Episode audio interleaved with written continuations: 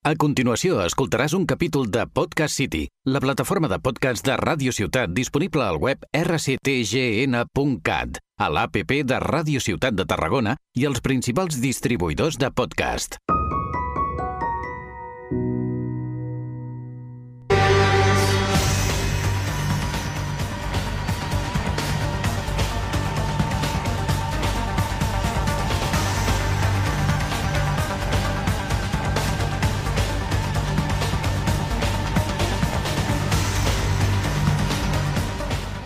Hola a todos y bienvenidos a este nuevo episodio de El Mundo que nos rodea.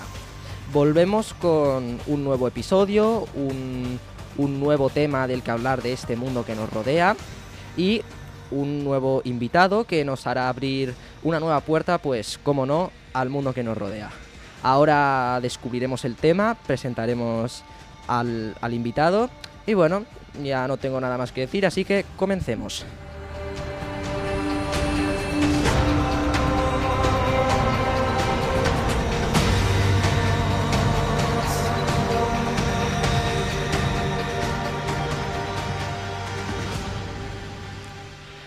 Bueno, pues el tema del que hablaremos hoy es sobre la aviación. Eso sí, de la forma lo más lúdica y divertida posible para que desde casa podáis entender de, de, lo que estamos hablando. Descubriremos cómo es la fabricación de un avión, cómo ha afectado a la crisis del COVID, al, tema este de la aviación y en qué se está trabajando eh, respecto al tema de la aviación para el futuro, como por ejemplo reducir la emisión de CO2 o los aerotaxis. Eh, ahora nos explicará todo esto con detalle José Luis Parra, que él es nuestro invitado.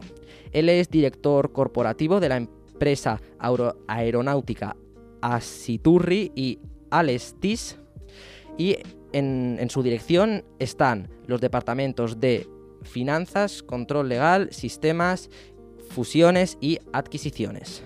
Así que bueno, ya lo tenemos aquí, lo tenemos por, por videollamada porque él, es de Madrid, él está en Madrid. Así que, José Luis, bienvenido. ¿Qué tal? Muy bien, Dani, un placer saludarte. Y es cierto que vivo en Madrid, pero te recuerdo que soy de Tarragona y que hace sí, ya sí, muchos sí, años que no vivo allí. Tienes razón, perdona, eres es, es de Tarragona, pero sí, ahora vives en Madrid con tu familia. Así que, bueno, eh, para empezar, haznos una pequeña introducción sobre, sobre qué, es, qué es la aviación y los tipos de aviaciones que hay. Excelente. Vamos a intentar explicarlo de una forma lo más simplificada posible, ¿no? Porque Sí. el concepto es muy amplio, la aviación. Por supuesto. Aquí tenemos desde las aerolíneas, ¿no? La- la- las aerolíneas que todos conocemos y que todos utilizamos, las Iberias, Ryanair, Lufthansa, etcétera. Y luego lo que vamos a centrarnos hoy un poquito más el- es en la construcción de un avión. Cómo se construye un avión y dentro de esa construcción los distintos tipos de aviones que existen, ¿no? Simplificando mucho, podemos decir que tenemos aviones comerciales y que tenemos eh, aviones de defensa. De defensa me refiero pues, a, los cazas, el Eurofighter, o a los F-16 estadounidenses, ¿no? los aviones eh, militares. ¿no? Esos son los dos grandes tipos de, aviones que tenemos en el mercado. Y dicho eso, dentro de los aviones se suele segmentar también por los componentes del mismo. Y hay como tres grandes grupos, ¿no? Las aeroestructuras, y las aeroestructuras es básicamente el esqueleto, lo que vemos del avión, ¿no? Si miramos un avión, ¿qué es lo que más nos fijamos? Pues en la parte delantera que parece una cara, ¿no? De hecho se llama la nariz, la parte puntiaguda de delante. El- vemos las alas, vemos la panza, la panza que tiene, que tiene el avión. Vemos los estabilizadores nuevamente detrás. Hay una especie de cono con estabilizadores verticales y horizontales. Esos son el esqueleto del avión, ¿no? las aeroestructuras. Están los motores, los motores muy importantes, por supuesto, ¿no? de, de, del avión, el, y los sistemas. Y cuando hablamos de los sistemas, pues bueno, tenemos desde los sofisticados sistemas de navegación, sistemas de telecomunicaciones, temas quizás menos visibles, como son los sistemas hidráulicos dentro del avión, la electrónica del avión. Bueno, esos son los tres grandes grupos de componentes con los que se construye un avión, ¿no? Vale, entonces tu, tu empresa, ¿no? Bueno, la empresa en, el que, en la que tú estás, eh, se centra en de los tipos de aviones que nos has explicado, eh, los aviones comerciales, ¿verdad? Efectivamente, los aviones comerciales y dentro de ello en las estructuras y en los motores. Vale, entonces, eh, háblanos un poquito, porque tenemos dos tipos de aviones comerciales, ¿verdad? Los de los regionales y de larga distancia.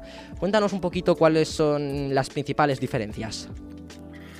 Perfecto, perfecto. La verdad es que yo creo que como, como clientes, ¿no? Que a veces de los aviones, pues nos vamos fijando en cosas, ¿no? Entonces, cuando tenemos vuelos largos, las oportunidades que hemos tenido de por vacaciones o por trabajo, hacer vuelos largos, normalmente, si nos fijamos, estamos yendo en aviones grandes, aviones de autonomía de 6, 8, 10, 12 horas, eh, sin necesidad de repostar.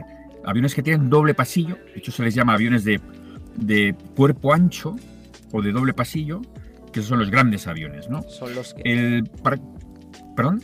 No, perdona, eh, que quería añadir que son los que, digamos que en, la fila tienen nueve, eh, nueve asientos, ¿verdad? Exactamente. Tienes distintas distribuciones, pero son esos, efectivamente. son normalmente los con los que se hacen vuelos transoceánicos, ¿no? Para que te hagas una idea, ¿eh? un avión de esas características, ¿cuántos pasajeros puede llevar? Pues seguramente, depende de la configuración, pero de de 300. ¿Cuánto cuesta? ¿Cuánto cuesta comprar un avión de estas características? Pues hombre, hay, una gama amplia, pero más de 200 millones de euros. Esos son los, aviones de, larga, de largo recorrido, ¿no? Luego tenemos un segundo tipo, que es lo que tú decías, los, aviones regionales, ¿no? Con los aviones que hacemos eh, vuelos pues, en Europa, en nuestro caso, o el puente aéreo, aviones, digamos, de duraciones normalmente de vuelos por debajo de cuatro horas, más incómodos, pero todavía suficientemente grandes como para que quepan 150, 200 personas eh, de una forma cómoda. Y es lo que, lo, que suelen ser aviones de pasillo único, ¿no? Aviones de pasillo único, que son los que acogemos más habitualmente, y son, son los regionales. Incluso te añadiría un tercer, un tercer segmento.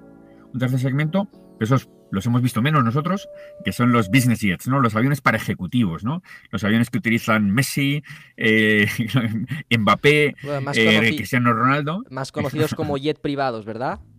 Exactamente, exactamente. Que eso ya son aviones más chiquititos. Si decíamos que los grandes aviones de doble pasillo cuestan más de 200 millones de euros y los aviones regionales pues pueden estar en torno a los 100 millones, pues bueno, en los, jets ejecutivos ahí podemos estar en los más baratitos, de, segunda mano, un poquito viejos, etcétera, 5 o 6 millones de euros, hasta los 60 millones. Hasta los 60 millones, ¿no?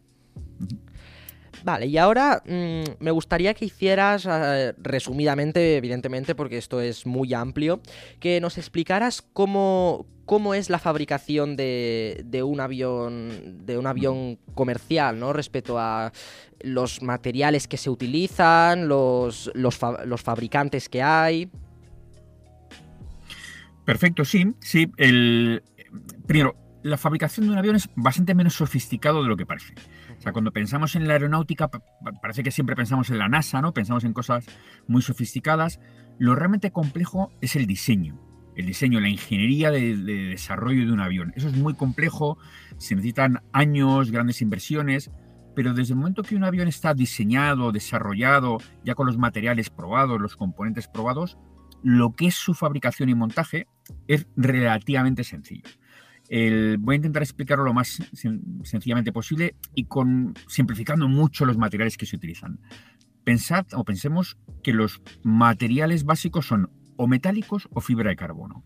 Cuando hablamos de metálicos estamos hablando de aluminio, estamos hablando de titanio. realmente lo que se hacen son comprar grandes planchas de material metálico que en, las fábricas de, las empresas que construimos componentes para los aviones, estructuras para los aviones, lo que acabamos haciendo es, pues si quieres simplificándolo mucho, torneándolos, mecanizándolos, es, la palabra técnica, pero al final es pasar el torno para darles forma, darle la forma que se ha diseñado en la ingeniería. Nosotros, por ejemplo, en nuestra compañía, que somos 2.500 empleados, pues hay 500 ingenieros, 500 personas que se dedican al diseño pero luego hay 2.000 que están en la fabricación, ¿no? Y con el material compuesto, que el material compuesto es fibra de carbono, materiales más ligeros, si pensamos en cosas que quizá conozcamos más, pues los coches de Fórmula 1, los coches de Fórmula 1, a diferencia de los coches normales, que es con material metálico, los de Fórmula 1 para pesar menos y ser más rápidos son con fibra de carbono, se llama material compuesto. La fibra de carbono la adquieres por sus propiedades eh, físicas, lo que se hace es moldearlas, darles la forma de la pieza que quieres fabricar, el ala, la panza, y meterlas en algo que será como un horno muy grande. Un horno muy grande se llama autoclave, pero es como si fuera un gran horno en el que la metes por presión, se endurece y pasa a ser el material que conjuntamente con los elementos metálicos vamos luego integrando y montando para dar la forma a las alas, a la panza, a los estabilizadores, a esas cosas que sí que vemos finalmente, ¿no?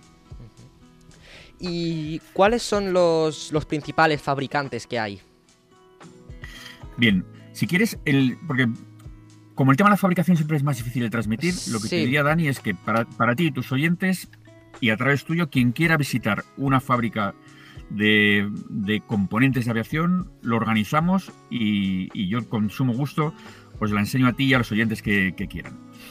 Y, bueno, yendo a los fabricantes. Los fabricantes, cuando hablamos de aeroestructuras, el, los principales fabricantes son muy conocidos. Airbus, Boeing. Es un mercado de muy pocos jugadores, muy, si quieres, mmm, oligopolístico, de, de, de, pocos jugadores. Airbus y Boeing tienen el 80% de la fabricación mundial de aviones. Luego tenemos uh, ya empresas más pequeñas, como puede ser la China Comac, la brasileña Embraer, pero los dos grandes fabricantes de, de, de aviones son estos dos, ¿no? El, motores, que es el otro segmento del que hemos hablado antes. Los grandes fabricantes, Rolls-Royce, Rolls-Royce lo conocemos por fabricar coches, ¿no? Es un gran fabricante de motores de coches, es un gran fabricante de motores de aviones. General Electric, que lo conocemos también por, otros sectores, es otro de los grandes fabricantes. Safran, que es una gran empresa francesa. En sistemas, pues en sistemas tenemos desde Lockheed Martin, que es una gran empresa estadounidense de, sistemas de navegación. Thales, es una empresa francesa. En España tenemos una, importante empresa de sistemas, eh, que es Indra, de sistemas para la, aviación, ¿no? Bueno, el, esos serían los grandes fabricantes, pero como te digo, es un mercado donde los grandes fabricantes son muy poquitos, muy poquitos, porque las barreras de entrada son muy altas, las inversiones necesarias en tecnología, en equipos, para poder fabricar son, muy altas. Para que te hagas una en España no hay ningún gran fabricante. Lo que hay, lo que hay son grandes proveedores de esos fabricantes. Y solo somos dos en aeroestructuras. Eh, Asitur Realisis, que es la empresa en la que yo trabajo, como tú bien decías, y otra empresa eh, que se llama Arnova. En el mundo del motor hay una empresa vasca muy relevante que se llama ITP, y en sistemas, como te decía, pues el, el Indra, ¿no? Como, como, como la líder española de, de, del ámbito, ¿no? Y estos proveedores que has comentado, ¿de, de qué dependen? Bueno, pues, pues realmente dependen de, primero, capacidad para acompañar a Airbus, a Boeing, a Rolls Royce en el diseño. Eso significa invertir. Significa tener conocimiento, tener tecnología, tener gente, ingenieros que, que saben, y recursos económicos para poder hacer I más D durante años en cosas que no sabes si van a tener éxito. Luego hablaremos de las emisiones cero, pero por ejemplo ahora estamos haciendo ensayos con tanques de hidrógeno. O sea, grandes depósitos para que el hidrógeno en el futuro sea el combustible, el combustible de los aviones. Y esos tanques de hidrógeno no sabremos, no sabemos todavía si serán comercializables, si tendrán éxito, pero estamos invirtiendo pues el trabajo de, en nuestro caso, de 20 ingenieros trabajando permanentemente, comprando materiales, comprando equipos para hacer ensayos. Bueno, ser un buen proveedor para ellos significa tener esos conocimientos y la capacidad económica para acompañarles en, en, en los programas que son programas a riesgo, ¿no? Vale, y ahora mmm, me gustaría pasar a hablar un poquito sobre la, la crisis ¿no? que, ha, que ha habido después de esta pandemia del, del COVID-19. ¿Cómo, ¿Cómo, ha afectado esta, esta crisis a, en el tema de la aviación? Es, es, una, es una excelente pregunta y, y, yo la mejor forma que tengo de explicarlo es a través de los números, ¿no? Uh -huh. el, para que tengamos una idea todos, el, antes de la crisis, el número de vuelos comerciales que había cada día eran 120.000. Redondeo, ¿eh? ¿Qué significa 120.000 eh, vuelos? Eh, 12 millones de personas tomaban un avión cada día. O sea, 100 personas por avión, 120.000 vuelos. Con una flota de aviones de 20.000 aviones. Eso, significa, para que nos hagamos una idea, que un avión al día puede llegar a hacer 6 rutas. El, bueno, llegar a crisis, llega el COVID, nos encerramos en casa y de un día para otro el 90% de los aviones, de los vuelos se cancelan. Con lo cual, de un día para otro, esos 20.000 aviones pasan a estar en parkings, pasan a estar parados. Te doy un ejemplo, el aeropuerto de Teruel, que es un aeropuerto de estos fantasmas, ¿no? De los que no se utilizaban para nada, el, ha sido rentabilizado como taller gracias al coronavirus, porque estaba lleno de aviones que no se utilizaban.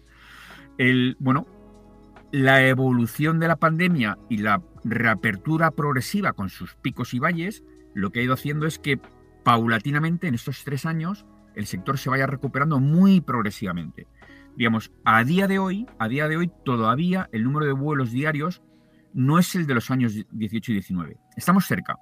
De hecho, hay una página, hay una página web que, yo sigo eh, casi con, con asiduidad diaria, que os recomiendo, que se llama flightradar24.com, en la que se pueden ver el número de vuelos diarios comerciales, de carga, de diferentes tipologías, ¿no? Y se puede ver que ya estamos muy cerca del número de vuelos de antes. Bien, cuando el número de vuelos empieza a ser como el de antes, significa que los pedidos que los clientes hacen a los fabricantes vuelven a ser como antes, porque lo que ocurrió en la pandemia es que se cancelaron vuelos y se acabaron cancelando pedidos de fabricación. Significa fábricas vacías, desempleo, ERES. Afortunadamente todo eso lo hemos podido ir retomando. La fuerza laboral todavía no está 100% recuperada, pero casi. Y en el mundo de la aviación regional, de, las distancias cortas, te diría que estamos convencidos de que en el año 23 ya vamos a recuperar. En el doble pasillo, en los aviones de larga duración, en los vuelos de larga duración, todavía falta un poquito. Hay falta un poquito todavía, todavía Asia no está totalmente abierta. Hay cosas que, que la pandemia ha desarrollado más rápidamente, como el teletrabajo, que hace que determinados vuelos de negocios ya no se vayan a recuperar al 100%, porque, porque los ejecutivos se han acostumbrado a viajar menos. Pero sí somos optimistas a que entre el año 24 y 25 también los vuelos de larga duración se recuperen. Entonces, bueno, la conclusión de, esto sería que sí que, se, que sí que se han ido recuperando, ¿verdad? Por lo, por lo general, no, no del todo, pero por lo general sí, ¿verdad? Efectivamente, yo te lo digo con, datos, ¿no?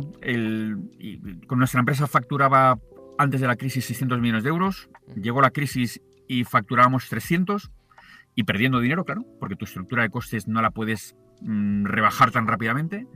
Y ahora el, el, año 23 vamos a estar en 450 millones. Entonces, te doy una idea de que estamos a mitad de camino de la recuperación, porque tenemos mucha exposición a la fabricación de vuelos de larga duración en nuestro caso. Ahora me gustaría pasar a hablar respecto al, futuro de, la aviación. ¿no? Hemos estado hablando un poquito del pasado, del, del COVID, centrándonos en el pasado presente, y ahora pasamos a hablar del futuro.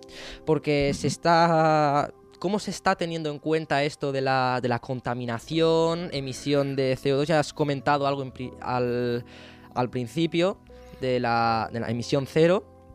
¿Qué es lo que se está haciendo para, para conseguir esto de la emisión cero?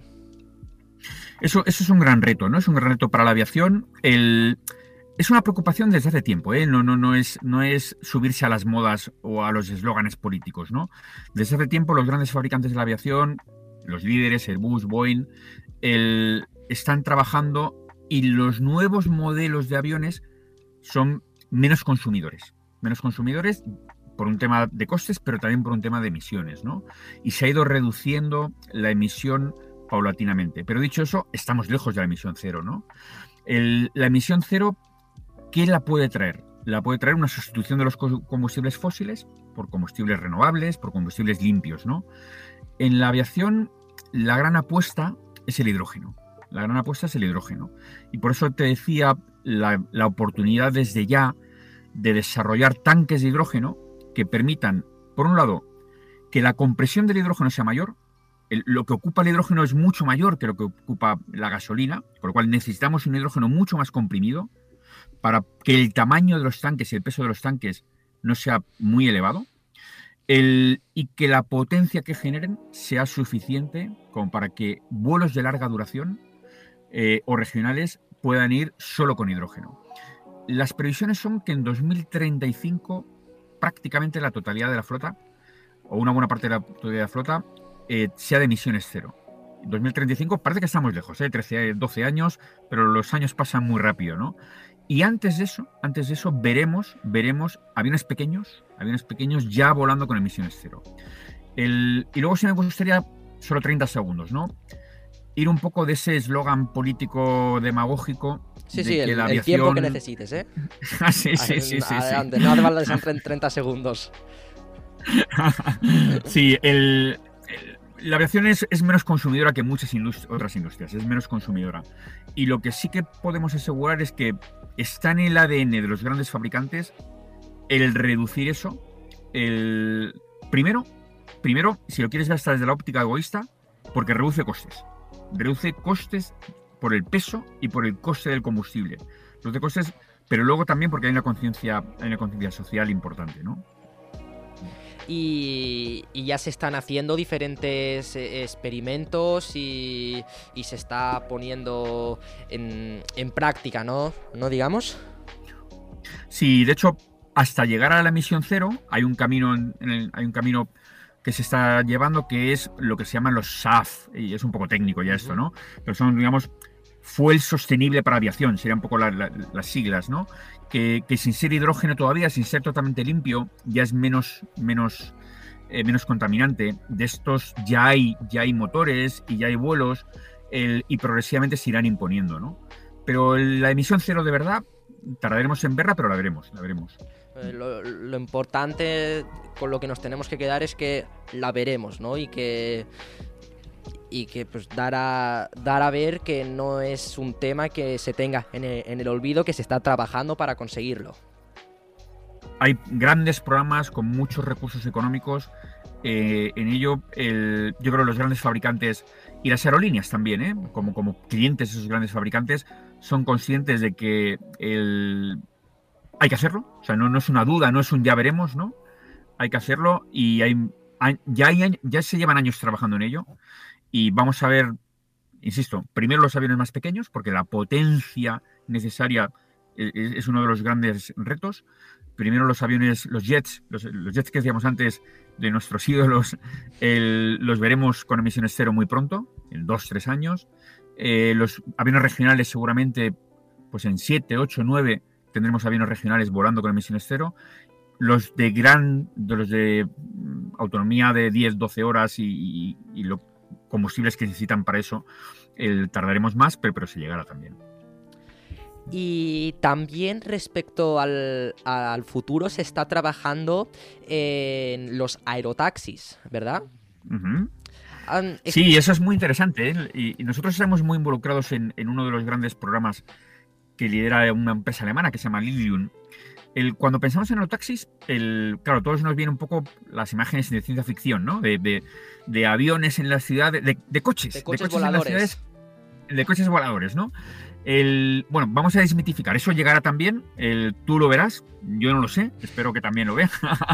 El, pero está mucho más lejos. No tanto por la tecnología, que ahora contaré, sino por las dificultades logísticas de las infraestructuras dentro de las ciudades. De tener rutas para masificar esos coches voladores, de tener lugares para que puedan aparcar. el- eso tardará, tardará todavía en tener los permisos, las pruebas, las certificaciones. Bueno, es un tema de seguridad, ¿no? Ahora, rutas que hoy se hacen con helicópteros, con helicópteros y por tanto con rotores, ¿no? Con, con- con eso que hace ruido, que tienen, que, que- que- que es un contaminante acústico, eh, y, con, y con motores de, de combustible fósil, ¿no? De, de gasolina, contaminantes. Rutas que hacen los helicópteros, como puede ser, no sé, pues la, la de Málaga Melilla. Eso pronto lo veremos con aerotaxis. Pronto lo veremos con aviones con forma de coche, con motores exclusivamente eléctricos, exclusivamente eléctricos, o sea, emisión cero, lo que me refería antes, y con costes más baratos que lo que hoy cuesta ir en un helicóptero. No será lo mismo que un taxi, pero, pero va a ser algo que inicialmente solo podrán acceder, no digo las clases altas, pero las clases medias altas, pero paulatinamente se irá democratizando, ¿no? Y eso lo veremos en 3-4 años. O sea, el- el- eso yo sí lo veo también. es- El- eso lo mismo, veremos, ¿no? lo veremos pronto. Sí, sí, Ya sí, sí. Sí, porque ya, ya, hay- ya hay aviones, ya hay prototipos, no, no prototipos, ya hay aviones que están volando, se está en toda la fase de certificación, de autorización, la tecnología ya está superada, la comercialización en términos económicos para que sea rentable también, el- y esto año 26 como tarde, vamos a tener ya rutas cubiertas por este tipo de, de aerotaxis. serán rutas a- aéreas, ¿verdad? Y eh, lo que comentabas tú es que se tiene que trabajar para hacer las, digamos, mm, autopistas, carreteras aéreas, ¿no? Para que estos, para que estos aerotaxis puedan, puedan volar sin que haya ninguna especie de choques ni, ni accidentes, ¿verdad? Eso también se tiene que tener en cuenta. Las autopistas. Efectivamente, lo, lo primero va a ser aprovechar las rutas que ya tienen los helicópteros. Las rutas que tienen los helicópteros, en España al menos suelen ser interurbanas, ¿no? Salvo, salvo eh, pues para situaciones de emergencia, ¿no? En grandes ciudades en el mundo, como puede ser San Pablo en Brasil, ciudades, digamos, de, tráfico tremendo, hay rutas urbanas para helicópteros que también se aprovecharán con los aerotaxis. Pero en, ciudades más normales que no tienen ese desarrollo, esos conflictos de atasco, etcétera, y por tanto no emprendieron esos diseños de, de- de rutas aéreas urbanas, pues tardará más, tardará, tardará, tardará bastante más tiempo. Y lo, y lo importante es que no dentro de mucho ya más o menos eh, lo tendremos a disposición, ¿verdad? O sea, yo, yo espero probar un avión de aerotaxi en, en los próximos tres años y poder invitarte a ti el- a, a poder hacerlo cuando, cuando compruebe que es seguro, para que tú no tengas que correr ningún riesgo. Yo encantadísimo, ¿eh? Bueno, pues ah, bueno, antes de acabar la, la entrevista me, me gustaría hacer un pequeño apunte sobre lo- la, la página web que has comentado durante la entrevista de Flight Radar 24, ¿sí? Sí, Que es una... Bueno, yo, si no recuerdo mal, es una página web, ¿no? Que puedes mirar eh, los vuelos que hay en todo el planeta, eh, digamos que en directo, ¿no? Por dónde, por dónde van, el número de vuelo, el recorrido, el tipo de avión que son, eh, compañía. eso es, eso es. Y luego tienes, tienes un- en una parte de estadísticas, algunas son de pago, otras no, eh, pero tienes una parte de estadísticas donde puedes tener resúmenes diarios, etcétera, de todo esto. Pero sí, de forma directa y gratuita puedes tener un mapa eh, de todos los vuelos, con como tú has dicho, la aerolínea, el tipo de avión, el número de vuelos en- online.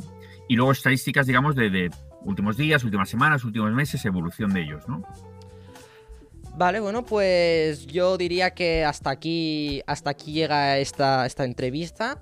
Muchísimas gracias por habernos acompañado, por habernos mm, enseñado sobre este mundo que nos rodea respecto a la aviación y muy importante eh, cómo será en el futuro.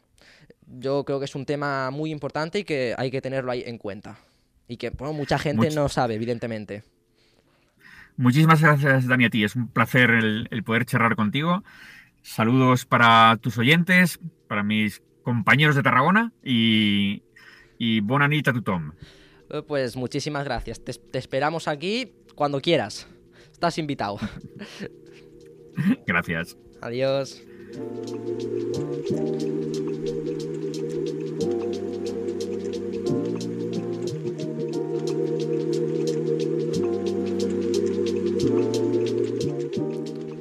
Y hasta aquí llega el episodio de hoy. Espero que os haya gustado y hayáis podido descubrir un poco más sobre este mundo que nos rodea. Agradecer a José Luis su colaboración y dedicación para poder a realizar la entrevista y nosotros nos vemos en el próximo episodio de El mundo que nos rodea. Adiós.